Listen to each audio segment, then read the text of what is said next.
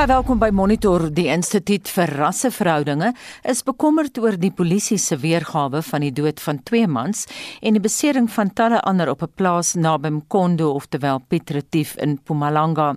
Die organisasie se hoof, Dr. Frans Cronje, sê die polisie weergawe is te betwyfel en vier mans sit dalk onskuldig aan die tronk.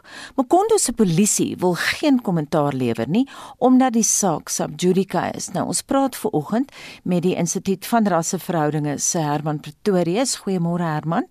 Goeiemôre aan die klein ook aan die luisteraars. En ons kry ook kommentaar by AfriForum se regs- en risikobestuurder landelike veiligheid Marnus Kamfer. Goeiemôre Marnus. Goeiemôre Anita. Ons gaan nou met julle twee manne in diepte gesels, maar kom ons luister net eers. Ek wil hê julle moet ook hoor wat hy te sê het. Wat Robert Davel te sê het, hy is nou die uitvoerende hoof van Mpumalanga Landbou en hy het so gereageer op die voorval. Mpumalanga Landbou verstaan dat die insident klaarblyklik voortgespruit het uit 'n beweerde onwettige optog deur lede van 'n naburige gemeenskap. Na bewering was die lewens van werkers, bestuur en die plaaseienaar tydens hierdie gemelde optog op 'n stadium onder bedreiging.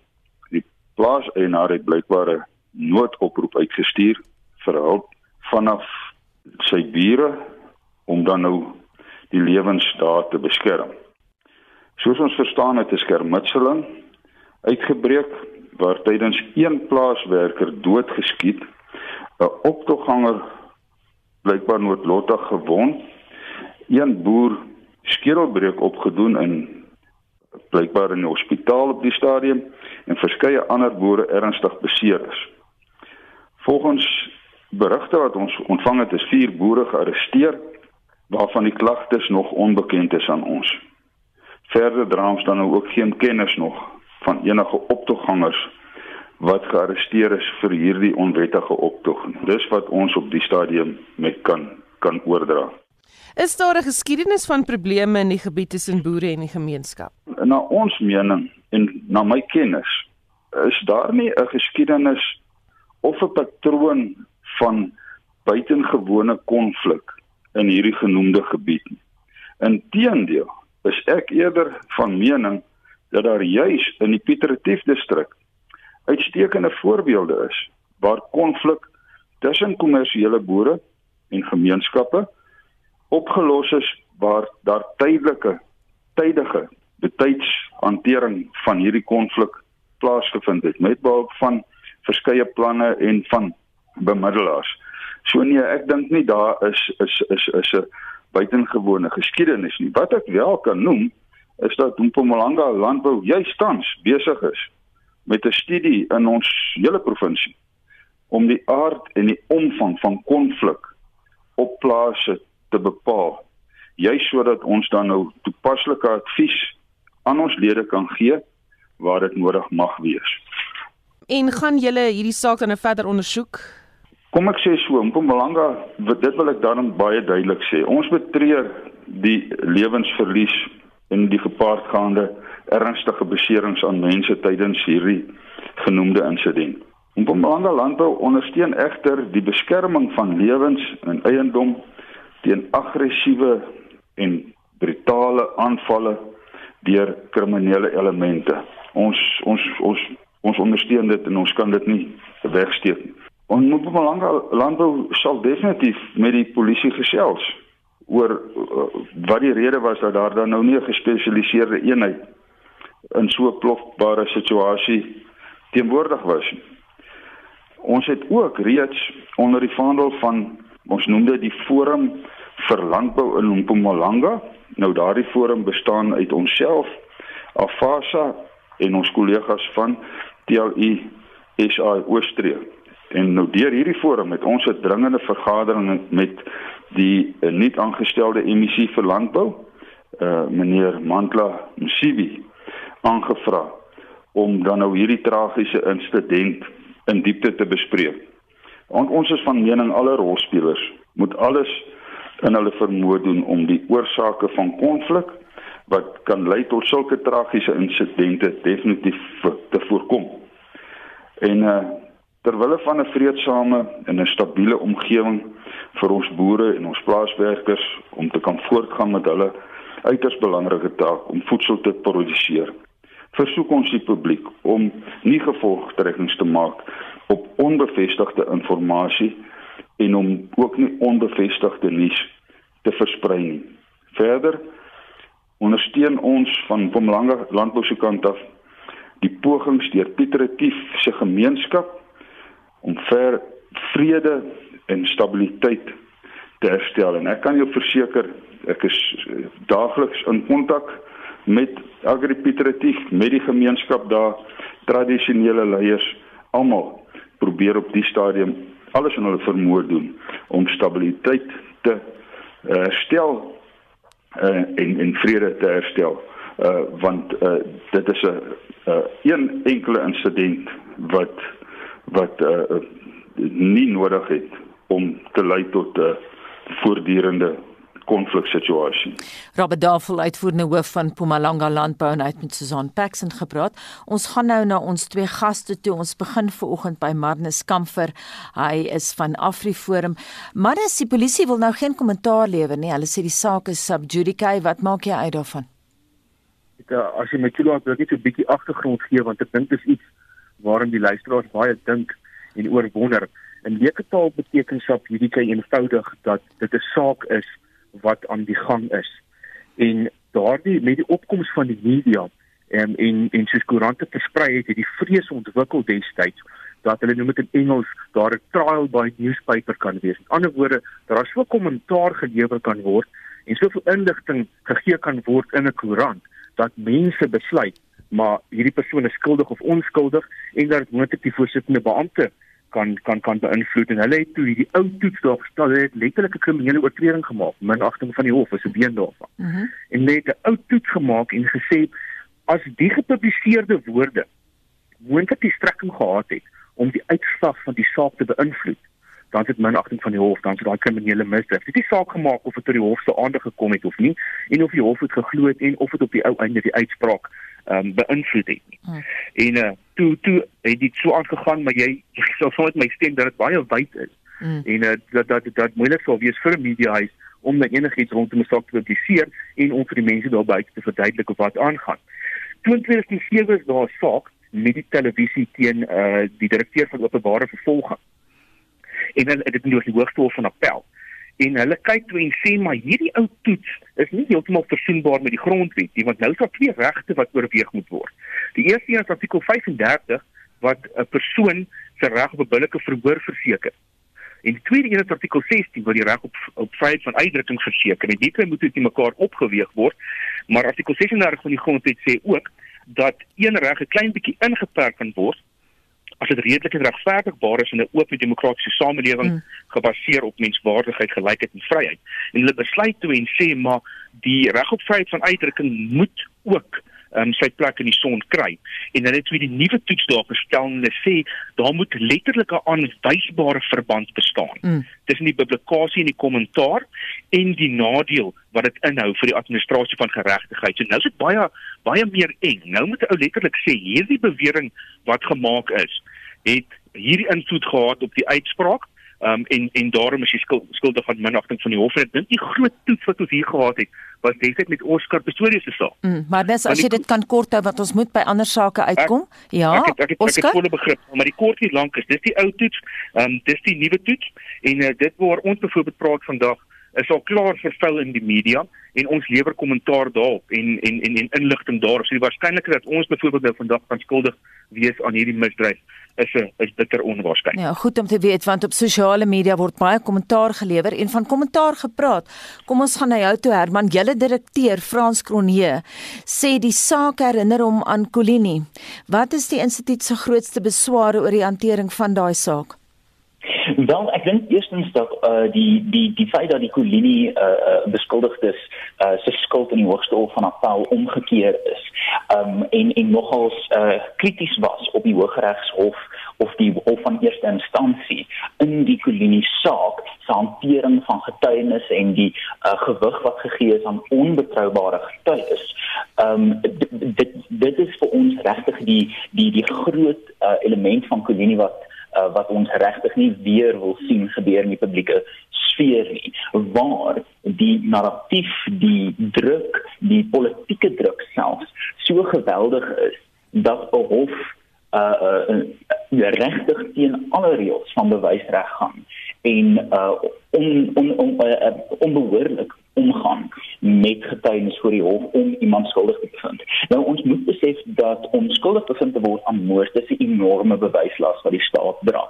Dit is bo redelike twyfel en dit mag dalk nie veel beteken vir die luisteraar nie, maar dit is iets wat besonder belangrik is wat ons moet uh, verstaan. Die verdediging in 'n strafsaak moet slegs kan bewys dat 'n redelike mate van twyfel in die staat se aanklag uh, kan bestaan en dan moet die hof uh, die persone nie skuldig bevind. Hmm. Die gevaar was met Colini was daar 'n uh, redelike twyfel en die redelike twyfel is daarom bevestig in die hoogste hof van appel. Nou mense het begrip vir die polisie se se aanslag dat hulle nie nou wil kommentaar lewer nie, maar ek waardeer natuurlik ook Marnus se uiteensetting van die sub judice beginsel.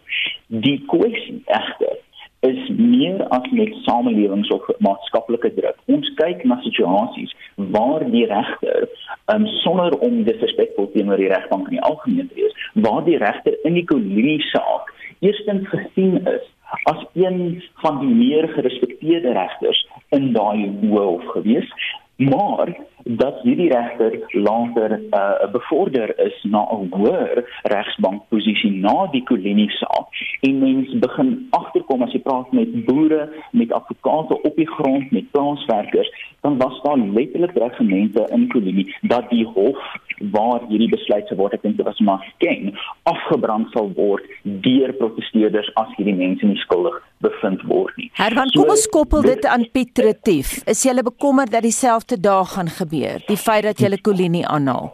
Ja, ek dink die die regte gevaar hier is en ons sien dit al uit uitspeel met die verslaggewing hieroor is dat 'n baie stewige rasgebaseerde narratief reeds posvat en dat dit dalk juis mag lei tot dieselfde uh, misnasting van die reg wat ons gesien het in Kolonie. Maar dis julle kommentaar? Ek wil by Herman aansluit en dit dit is 'n bietjie 'n frustrasie dat van die mediahuise en van die groeperinge en dit mens kan amper ideologiese opportunisme gebruik om hierdie aangente te vat heeltemal uit verband te ruk, um, self te besluit wat die regte weergawe is en en daardie narratief dan te stoot. En soos Herman reg opgemerk het, die kolonie is baie goeie vergelyking.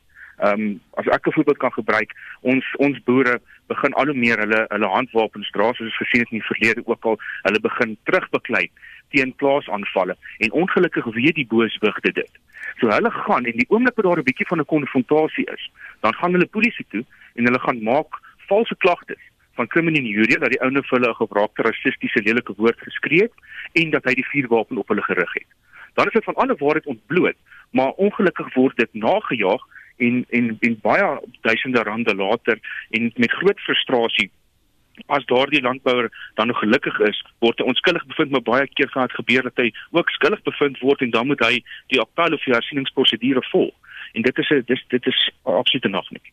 Herman ek sien Frans Kronee dreig nou om die saak verder te voer. Hy gaan die media aanvat. Hy verwys ook na die internasionale media wat interessant is en hy sê hy gaan hulle aanvat as hulle 'n spesifieke narratief volg.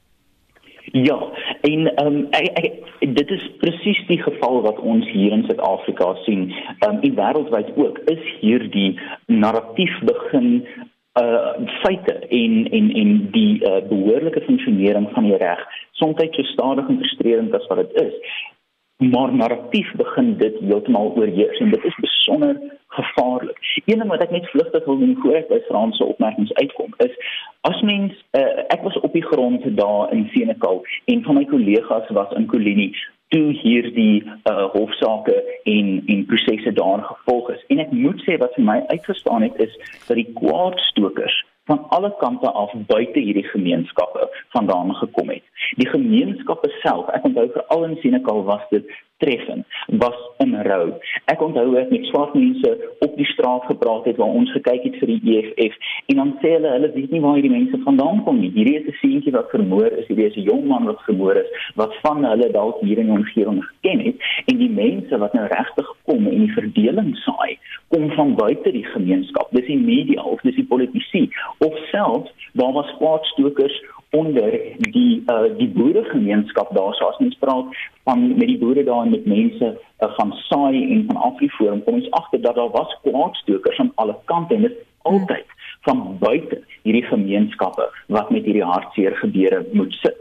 Maar dan na Franse opmerkings. Die kwessie hier is ons het ons gaan vyf goeders doen van ERS kant af. Een, ons gaan die feite kry. Ons is al 90 jaar besig met feite najaag en ons gaan wragtig nie nou opbou nie. Ons die feite kry mm -hmm. van my mhm. kollegas is reeds onderweg en reeds ondersoekend na die gebeure hierso. Mm. Tweedens, soos jy noem Anita, is dit die kwessie dat die plaaslike en die internasionale media aanspreeklik gehou word aan 'n standaard waar hulle die waarheid of wat bekend is van die waarheid op verslag gee en ons sal uh, die enige liggaam wat beskikbaar is die nodige stappe neem mm -hmm. om te sorg dat die waarheid nie enige rasnarratief nie maar dat die waarheid hierso deur die media verslag gegee word oor.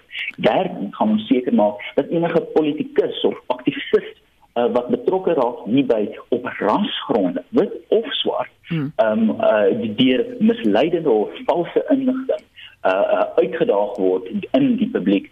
Van ons seker maak dat die polisie sekerlik uh aan 'n aan 'n aan 'n hoër standaard gehou word as die media dat hulle nie betrokke raak by hierdie fopnuus of valse inligting nie. En laastens as dit uitdraai dat die polisie se weergawe of dit wat ons sover verneem die polisie se weergawe is korrek is sal ons seker maak dat daai feite uh, in die publiek gestel word. Hmm. maar as dit verkeerd is sal ons alles in ons vermoë doen en saamwerk met enigiemand om seker te maak dat ons skuldige mense nie in die tronk sit. Maar dis baie kortliks ons het nie tyd nie maar ek wil tog weet wat gaan julle doen Ons het baie onlangs 'n veldtog bekend gestel. Ek gaan nou nie op die veldtog uitbrei nie, soos die tyd is bietjie min.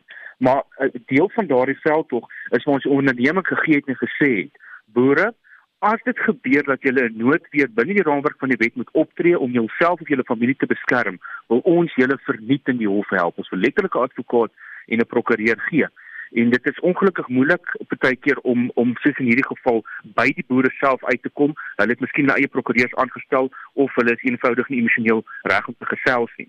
So ons sal ons sal dit graag wil doen in die eerste plek. In die tweede plek gaan ons wanneer die saak nou weer voorkom met ons reeds 'n prokureur aangestel om die verrigtinge te gaan dophou dat ons darm daai intydse en waartoedrag van sake kan kry sodat ons kan kan seker maak die saak hardloop reg op die oomblik. Baie dankie meneer. Kom ons hoop dat ons kan water eerder as olie op hierdie spesifieke vuur gooi.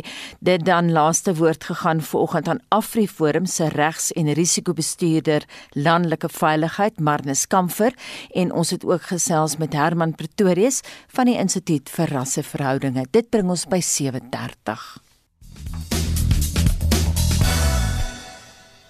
Honderde inwoners in Kimberley en omliggende dorpe in die Noord-Kaap het na die kantoor van premier Zamani Sol opgeruk om te betoog oor swak dienslewering in die Solplaatjie munisipaliteit. Die inwoners beskuldig die, die munisipaliteit daarvan dat hulle nie probleme soos 'n gebrek aan water en swak padinfrastruktuur oplos nie. Vincent Mofokeng het meer. Inwoners was in die strate om hul frustrasies met die Solplaatjie munisipaliteit uit te spreek. Die inwoners sê hulle skeelvol vir waterafsluitings, swak padinfrastruktuur en riool wat in die strate van Kimberley vloei. Hulle vra vir dringende optrede. Wat het geword? Ons sê mos Ubuntu. Ons sê mos for humanity. Wat het gebeur met Greenpoint en is die oudste suburb in Kimberley? Die dorp is vuil, die strate het gate in. Dit is swak, soos Kimberley lyk like, regtig en hulle gee net nie om nie. Die Noord-Kaapse premier, Dr. Zamani Soul, blameer die huidige diensleweringprobleme vir wat hy sabotasie by die munisipaliteit noem. Saul hou egter vol dat daar opgetree sal word teen munisipale amptenare wat nie op pligte nagekom het nie. Die feit dat mense hier in Kimberley is 3 dae sonder water is krimineel. Dit kan nie so gebeur nie dat so 'n groot munisipaliteit so so plaatjie weet nie wat is die probleem dat mense vir 3 dae nie water het nie. En die rede hoekom mense so moeg is en kwaad is, uh, is justified. En dit redes om so kwaad te wees, want die munisipaliteit kan dit nie doen nie. Die inwoners dreig om die munisipaliteit tot stilstand te dwing indien hul gruwe nie binne die volgende week aangespreek word nie. Die verslag is saamgestel deur Neo Bodumela in Kimberley. Ek is Vincent Mufokeng vir SAI Garnis. Intussen sit Marlenae gereed om vir ons SMS terugvoer te gee. Dit lyk my daai lyne vanoggend is baie woelig. Ja nee, kyk, ons wil weet of jou kind of jy 'n slagoffer van boelery was. Hoe het jy dit ervaar? Hoe hanteer mense dit? Het jy raad aan slagoffers? Op die SMS lyn sê Amanda, gewoonlik voel kinders hulle kan nêrens kla oor boelies nie. Ek stel voor skole plaas in badkamers 'n boelieboks waarin kinders hulle klagtes kan plaas. En Anton van Port Elizabeth Elizabeth deel 'n storie hierso. Hy sê, ehm um, in ons probleem met boelies is opgelos deur ons skool se eerste rugby span. Hulle het besluit om dit op hulle self te neem. As iemand 'n ander persoon boelie, dan boelie die hele span daardie boelie en binne 2 weke is die probleem van die boelie by ons skool iets van die verlede. Sê waar daai skool is. Ehm um, hy sê nie waar dit is nie, dit is wel in Port Elizabeth wat deesdae bekend staan as Klebe gaan. Ehm um, en dan op WhatsApp is daar ook verskeie menings oor die kwessie. Polisie skree oral in die skool. Daai het toe ons weermag toe gegaan en daai het toe ons polisie toe gegaan het. Jy kry hulle oral. Die meeste van die tyd as jy daai boelie kort vat, wanneer hy alleen is en nie voor sy entourage en voor sy skare nie, dan beteken hy niks nie, dan sê hy ook maar net so klein mak lammetjie. Die enigste manier om die krag van die boelies te breek is deur die omstanders. Hulle staan by en lag saam en dit versterk die boelie. As die omstanders dadelik intree en die boelie stop, dan sal daar minder boelery wees. Goeiemôre, ek is Ruth en ek is van Maldan in Johannesburg. My dogter was geboelie op skool op die Oosrand vir 'n lang ruk Ons het daaroor gepraat. Ek het vir haar gesê om na die onderwyser toe te gaan. En op 'n dag het dit net te veel geraak vir haar. Toe vat sy die passer en toe steek sy die ouetjie. Want hulle het haar geboelie omdat sy in 'n houtwerkklas en 'n skreenwerkersklas is saam met die seuns. Noordloos om te sê, daai probleempie was baie vinnig opgelos. En op die SMS-lyn is al wel heelwat frustrasie oor onderwysers wat kinders boelie soos byvoorbeeld die luisteraar wat skryf: "My kleindogter is aan mekaar afgekraak deur 'n onderwyseres. Klagtes by die skoolhoof word gemaak deur baie ouers kla oor haar en dan verder gebeur daar niks nie. Dalk omdat sy die skoolhoof se dogter of 'n vriendin is of 'n ding, dalk wag die skoolhoof maar net vir tragedie om plaas te vind um, voordat hulle iets daaraan gaan doen. Dis ongelooflik pateties." Um, het nog so tyd tot kwart voor of tot so voor 8 om vir ons terugvoer te stuur. 45889 dit gaan jou R1.50 kos. Kan ook op Monitor en Spectrum se Facebook bladsy saamgesels en dan kyk om so teen 'n kwart voor 8 jou voice notes by ons of eerder jou stemnotas by ons te kry. 0765366961 0765366961 7:38 en soos gewoonlik hierdie tyd kyk ons na internasionale nuusgebeure en in vanoggend se wêreldnuus begin ons in die Amerikaanse deelstaat Minnesota waar die voormalige polisieman Derek Chauvin sy reg om te getuig in die moordsaak teen hom van die hand gewys het. Anne Marie Jansen van Vuurnet vir ons al die besonderhede. Anne Marie Die 48-jarige Chauvin word aangekla van die omstrede moord op George Floyd wat tot die sogenaamde I can't breathe beweging gelei het. Nou Anita in die FSA sit kykers al die afgelope 2 dae vasgenaal voor die televisie om die hofsaak te volg. Sy regspan het gister na 2 dae van getuienis aangedui dat hulle geen verdere getuies gaan vra om te getuig nie. Soos jy genoem het, het Chauvin ook aanspraak gemaak op sy reg om te swyg uit vrees is vir self-incriminasie. I will invoke my Fifth Amendment privilege today. All right. Has anyone uh, promised anything or threatened you in any way to keep you from testifying? No promises or threats, Your Honor. Do you feel that your decision not to testify is a voluntary one on your behalf? Yes, it is. Dit was die moordverdagte Derek Chauvin. Volgens kenners is sy besluit nie buitengewoon binne die konteks van die Amerikaanse regstelsel nie. En ons bly in die FSA president Biden het nou 'n wye verskeidenheid van sanksies aangekondig teen Rusland. Dit is nou as straf vir die land se inmenging in verlede jaar se verkiesing as ook kuberkrakery en tans is daar ook probleme op die grens met Oekraïne. Ja, die Biden-regering het verskeie Russiese maatskappye op 'n swartlys geplaas, Rusland se diplomate geskort en Noord-Amerikaanse banke verbied om enige verbande by Rusland se sentrale bank, nasionale welvaartsfonds en departement van finansies aan te koop. Die Russiese regering het intussen teruggekap en gesê dat hulle nie hierdie sanksies sonder teestribbeling gaan aanvaar nie. Hier is 'n woordvoerder van Rusland se departement van buitelandse sake, Maria Zarakova. The response to the sanctions will be unavoidable. Washington must realize that they have to pay for the deterioration of bilateral relations. The United States of America is fully responsible for what is happening. Maria Zarakova, die woordvoerder van Rusland se departement van buitelandse sake.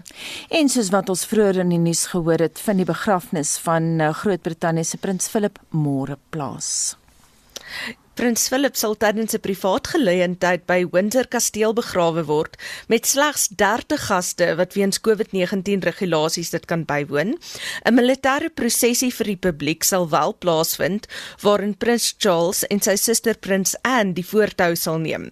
Prins William, Harry en Prinses Anne se seun, Peter Phillips, sal agter hulle loop. Alhoewel dit 'n militêre aangeleentheid is, sal die koninklikes nie militêre drag dra nie. Ja, dit was Anne Marie Jansen van Vuren met enkele hoogtepunte van internasionale nuusgebeure. En nou 'n aangrypende storie, die foto van 'n hond wat aan sy eienaar vasklou.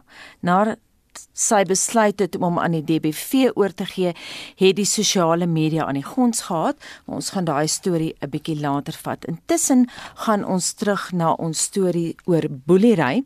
Die nie-regeringsorganisasie 1000 Women Trust het 'n veldtog geloods om onderwysers en ouers toe te rus met vaardighede om afknouery in Suid-Afrika te beveg.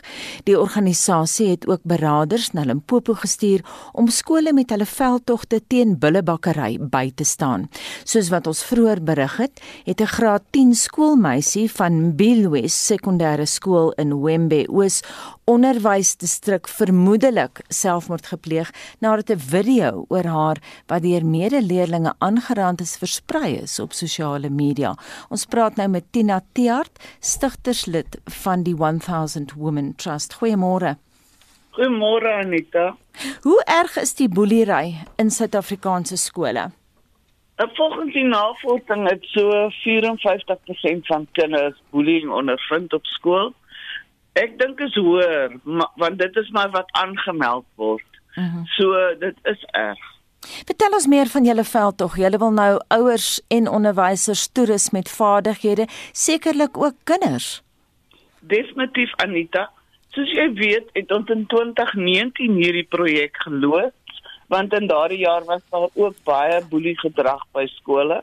Ehm um, en hierdie projek het ons nou weer half uit die yskas uit gaan haal en ons het uh, ouers en en van ons beraders aangemoedig om met die skole te gaan praat. En jy sal nie glo nie, maar meer as 50% van daardie skole weet nie hoe om boelie uh, te hanteer nie hulle hulle hoop maar dit gaan weg. En, en uh, toe ons besluit ons moet weer ingryp en help. En wat is julle raad? Hoe hanteer mense 'n boelie? Ons het nou gehoor van die een skool waar die eerste rugby span gesê het hulle klim sommer in onder die boelies daar en nadat hulle met hulle klaar is dan boelie hulle nie meer nie. Maar geweld op geweld is sekerlik nie aan te beveel nie. Ja nee, definitief nie. Kyk, uh, dis een ding wat soos jy weet by die duisend vroue trust want uh, ons weet dat baie van hierdie bullies word later uh die perpetrators hulle is die mense wat die vroue aanrand. Mm. So ons ons probeer ander middele vind. Ons uh, het 'n uh, uh, hele veld tog waar ons kinders bewus maak van wat is bullying en dan ook hoe wat moet hulle doen? Dat hulle moet praat, dat hulle moet vertel, dat hulle moet opstaan vir ander en dat hulle moet wys dat hulle omgee maar ook belangrik vir die onderwysers. Kyk, dit is in hulle leerplanne, maar dit word soos akademies gedeel mee. Hmm. Waar ons aanbeveel dat ons alle eerder gesprekke met die kinders moet hê, soos julle vandag doen, dat die kinders kan deel waar word hulle geboelie, wie word geboelie, wie was geboelie. En ons het geëksperimenteer met dit en ons het gevind dat in 'n klas van 40 gister het daar 26 gesê dat hulle geboelie was of Sjoe. word. En weet jy wat was belangrik daarvan? Is dat die boelie homself het vertel hoe hy geboelie word Mm. by die huis. Ook interessant vir oggend Tina, ons het 'n vrou van 79 gehad, 79 en sy onthou nog hoe sy as kind geboelie is op skool en toe het sy gesê sy het nie toe besef dis eintlik 'n geboelie nie. Ja, en ons kry dit ook met jy weet met die human trafficking. Mense weet nie dit is wat met hulle gebeur nie. So dis hoekom onthou ons het al daai trauma vroue opgelei, dat trauma beraders en ons wil hê dat die skole moet dit ook doen sodat hulle 'n uh, 'n buddy vir daardie 'n uh, 'n uh, kinders kan gee, want almal van hulle het trauma.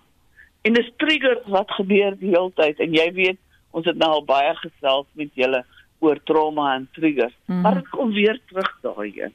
Tina, julle het nou beraders Limpopo toe gestuur, maar moet mens nie 'n veld tog landwyd aanpak nie, in beraders landwyd na skole toe stuur nie. Sou dit moontlik wees logisties? Weet jy wat ek het gister net vir al ons want onthou ons het so 3000 mense opgelei gedurende hierdie inperkingstydperk vroue eh, veral en ek het hulle gister aangemoedig om na die skole toe te gaan. En dis hoekom ons toe nou bietjie statistiek het oor wat gebeur nou in ons skole jy weet. Maar jy's reg Anita maar weer eens ons het die befondsing daarvoor nodig. Ons doen dit op WhatsApp dis 'n oulike opleiding maar jy moet tog steeds dryf en die pamflette is baie belangrik vir die kinders. Vir hulle soos 'n pledge kan teken ek hierso sê ek sal nie 'n ander kind meer boelie nie daai tipe van van aksies het ons nodig Sê vir my Tina, as ouers met jou wil kontak maak oor raad, waar kan hulle jou kry? My nommer is 073 2079 079. Ek moedig ook die ouers groepe aan om ons te nooi om op hulle op hulle eie WhatsApp groepies te kom en dan kan ons hulle ook daar help. Baie van die ouers, baie van die skole het WhatsApp groepies. Baie dankie. Ek gaan daai nommer herhaal. Dis nou Tina Tiart. Sy is stigterslid van 1000 Women Trust en dit is 073 2079 079 073 2079 079 En nou 'n hart 'n storie wat mense hart laat uh, vermurwe. Die foto van 'n hond wat aan sy eienaar vasklou nadat sy besluit het om hom aan die DBV oor te gee, het die sosiale media ontgons gehad. Whisky se eienares het gesukkel om beide haar honde kos te gee, maar met die hulp van tuinroete DBV in George en honderde skenkings kan hulle nou bymekaar bly. Tanya Krause het hierdie mooi storie. Hulle sê 'n prentjie is 'n duisend woorde werd en 'n foto van whisky wat aan sy eienaar vasklou, het aan mense landwyd se hartsnare getrek. Weens haar persoonlike omstandighede kon die 66-jarige Cordelia Ngotko nie meer bekostig om vir whisky te sorg nie. Toe die DBV 'n sterilisasieveldtog laasweek in die area gehou het, het sy besluit om hom na 10 jaar oor te gee aan die DBV. Dit is toe die tuinroete DBV se Salome Breins die foto geneem het van whisky wat aan Ngotko vasklou, asof hy weet wat gebeur. Toe sy die liefde tussen die twee sien, het Breins geweet hulle moenie van mekaar geskei word nie. Sy het die foto op sosiale media gesit en vir hulp gevra en nooit so 'n oorweldigende reaksie verwag nie. Die reaksie was groot, baie baie groot. Ek is so opgewonde daaroor en so dankbaar teenoor die publiek wat almal sy um, post geshare het, dat oor die 3.6 miljoen mense die post gereach, so dit was enorme. Hierdie is nou een geval van duisende gevalle daar buite. So ek wil graag vir die publiek vra, help jou plaaslike DBV om ook gevalle soos whisky te kan help. Skenkings het begin instroom, nie net vir whisky nie, maar ook vir Cordelia. Whisky is vir 'n paar dae by die tuinroete DBV opgeneem vir behandeling vir 'n velinfeksie om 'n groeisel te verwyder en om gesteriliseer te word. Ngotko was oorstelp van vreugde om haar hond weer by die huis te hê. Whiskey, nobody can came here. Whiskey's there. How, how, how? How, how, how? I was so very, very happy. He said Monday is coming. He bring me another food to the house, spouse food. I say thank you, thank you very much. Thanks very much, people. I didn't know whiskey is very, very popular. Die DBV het 'n hondehok vir whisky gebring en Cordelia het krydeniersware ontvang. 'n Plaaslike troeteldierversekeringsmaatskappy het ook vir whisky 'n nuwe bed, speelgoed en lekkernye gebring. Die maatskappy se aansoeklaak sê ons viervoetige vriende het ook liefde en goeie versorging nodig. Ons glo alle diere moet hulp kry en alle diere moet 'n goeie lewe kry. So dis werklik vir ons 'n voorreg om vandag vir Whisky te kan help en ons deelname en bydrae daar te doen. Van nou af sal die DBV seker maak dat Whisky se kosbak nooit leeg is nie. Die skenking sal ook ander diere in nood help. Ek is Tanya Krause op George. Mooi storie of hoe? O, oh, wie dis pragtig. Ek wonder net wat se speelgoed het whisky gekry? Ja, wat dink jy waarmee het sy gespeel? Ag, fooi tog. Dis pragtig. Nou ja, Leon is by ons en ons praat bietjie oor die BAFTAs. Dit is nou iets van die verlede Leon en Nomadland het met die meeste pryse weggestap. Dit was 4 het ons in die hooftrekker gesê, nê? Ja, ja. Nou jy het dit gesien. Is dit soveel toekenninge werd? Anita, dis bietjie van 'n Turks vy hierdie. Nomadland is so tuis soos 'n toffie wat in jou tande vassit as jy jou eerste ou of meisie wil soen en jou monde hak aan mekaar vas. Dis 'n briljante film, maar nie almal gaan daarvan hou nie. Dit vereis konsentrasie. Dit is baie bitterlik stadig. Dit lyk asof in aanhalingstekens niks gebeur nie en die rolprent is neerdrukkend. Moet dit glad nie dat die 8 uit 10 jou mislei nie. Jy mag dink dit is minder werd. Hoekom dan die pryse? Nomadland slegs vir kunsrolprentgangers gaan oor 'n nomadiese swerwersvrou, briljant en met diepte en 'n begrip vir die siel van 'n eensame mens deur Frances McDormand gespeel. Sy's meesterlik. Fern swerf deur 'n uitgestrekte verlate, verskeurde landskap en haal net asem. Sy neem waarso tussen die sneeu en raak raak aan die siele van ander nomade. Sy is haar eie beste vriendin. Sy is onafhanklik en so sterk soos 'n stuk biltong wat jy met jou tande probeer afbyt. En deur haar wyse oë sien ons die ander kant van die Amerikaanse droom, sonder hoop, lig, uitkoms of verligting. Nomadland wat tydsaam en geleidelik na sy einde beweeg, is slegs vir mense wat hul kunsrolprente ernstig opneem. Al kry dit 8 uit 10, is dit nie vermaaklik nie en nie op almal gerig nie, maar is uitsonderlik goed. Nomadland En is Who Killed Sarah vermaaklik? Who Killed Sarah is soos om murg uit 'n skaapbeentjie te suig. Kortstondig lekker, dan sit jy met 'n leeggesuide beentjie voor jou en wat nou? Is dit dalk 'n brakkie whisky vir wie jy die been kan gee? 'n Mense word die storie uitgereik. As jy dus na mooi lywe in ses pakke soek en jonges wat partytjies geniet en al gillende ronddans, hier is jou gemaksone fliek vol soet patats en gebakte aardappels. Die reeks se byskrifte. 'n Klomp jukkerige jonges met minder klere as verstand, seil op 'n boot uit vol drank, testosteroon en spaghetti bikini bandjies. Dan sterf die waghalsige Sarah. Wie het haar voor ons oë vermoor? Oh. Die verkeerde man gaan 18 jaar lank tronk toe vir haar moord, maar wie is die werklike wreedhard? Dit neem omtrent 8 episode om uit te vind, alhoewel slim hoe dan dit kykers reeds vroeg sal raai. Dis leeg, dis vol glans en die alkoholemiet sal jou agter tralies laat beland. Lekker om na te kyk, maar so leeg soos 'n puddingbak na 'n kinderparty en oppervlakkig vermaaklik. Die 6 uit 10 let wel is bloot omdat mense lekker gaan kyk en raai raai ripa gaan speel. Dit weerspieël glad nie die gehalte nie. Who killed Sarah op Netflix?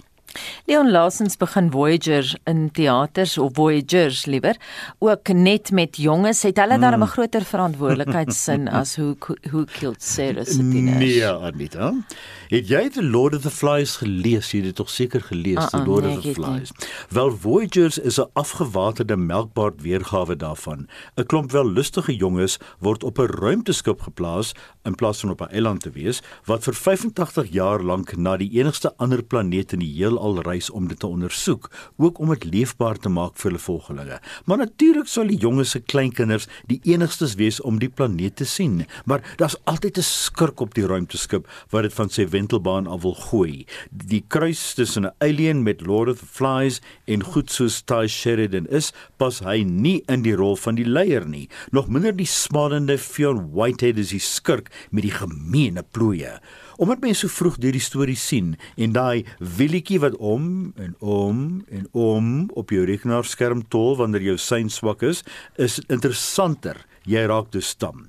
Mooi mense, baie hemde wat waai, vele gimspiere, maar sonder veel van 'n IQ of sin vir verantwoordelikheid sorg dat die fliek 4 uit 10 kry. Dis jou keuse of jy saam met die reisigers na 'n ander planeet wil ontsnap. Voyagers slegs in teaters. Lees die resensies op ons webblad, gaan na rsg.co.za, klik op fliekrubriek onderaan die bladsy. In 'n koninklike skouspel is 22 mummies van die Egiptiese farao's onlangs na die nuwe nasionale museum van die Egiptiese beskawing in Kaïro geneem. Na aanleiding daarvan praat Dr Willem Botha vanoggend oor die woorde mummie, sarkofaag en sarkasme. Dr Botha is hoofredakteur en uitvoerende direkteur van die Woordeboek van die Afrikaanse taal.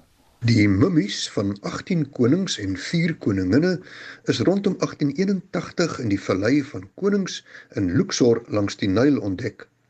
Die fonds is destyds per trein en op die Nyl na die ou Egiptiese museum in Kaïro verskuif. 'n Mummie is 'n liggaam wat volgens die antieke Egiptiese manier gebalsem is. Ons kry die woord mummie uit Nederlands maar dit gaan terug na middeleeuse Latyn mumia wat weer teruggevoer kan word na die Arabies mumia wat beteken asfalt of stof waarmee lyke gebalsem word. En dit gaan dan verder terug na die Arabies mum met die betekenis was na aanleiding van die wasagtige stof wat uit mummies drup as dit in die son lê. Die tweede, onlangse verskywing van die mummies na die nuwe nasionale museum van die Egiptiese beskawing in Kaïro het met aansienlik groter sorg en seremonie plaasgevind. Die pad van 5 km tussen die ou en die nuwe museum is oorgeteer om vibrasie te verminder en spesiale voertuie met superskokbrekers is gebou om elke mummie individueel te vervoer.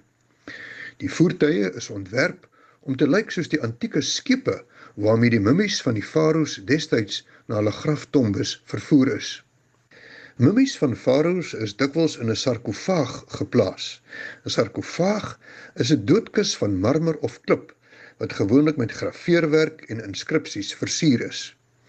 Die woord sarkofaag kan teruggevoer word na die Grieks sarkafagos wat beteken vleisetend of vleiseter. En dit is 'n samestelling van sarks, vleis en fagein om te eet. Die doodkus word so genoem omdat die klip dikwels poreuse kalksteen was wat die sagte dele van die lijk volgens oorlewering binne 40 dae sou laat ontbind of verteer.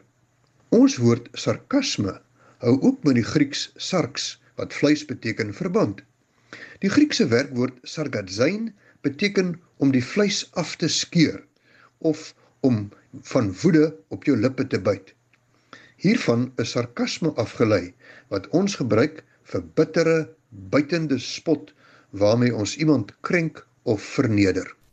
En so sê Willem Botha en hy is hoofredakteur en uitvoerende direkteur van die Woordeboek van die Afrikaanse taal. As jy 'n woord wil koop of borg, besoek www.wat.co.za. Marlenae, jy het vir ons laaste SMS terugvoer.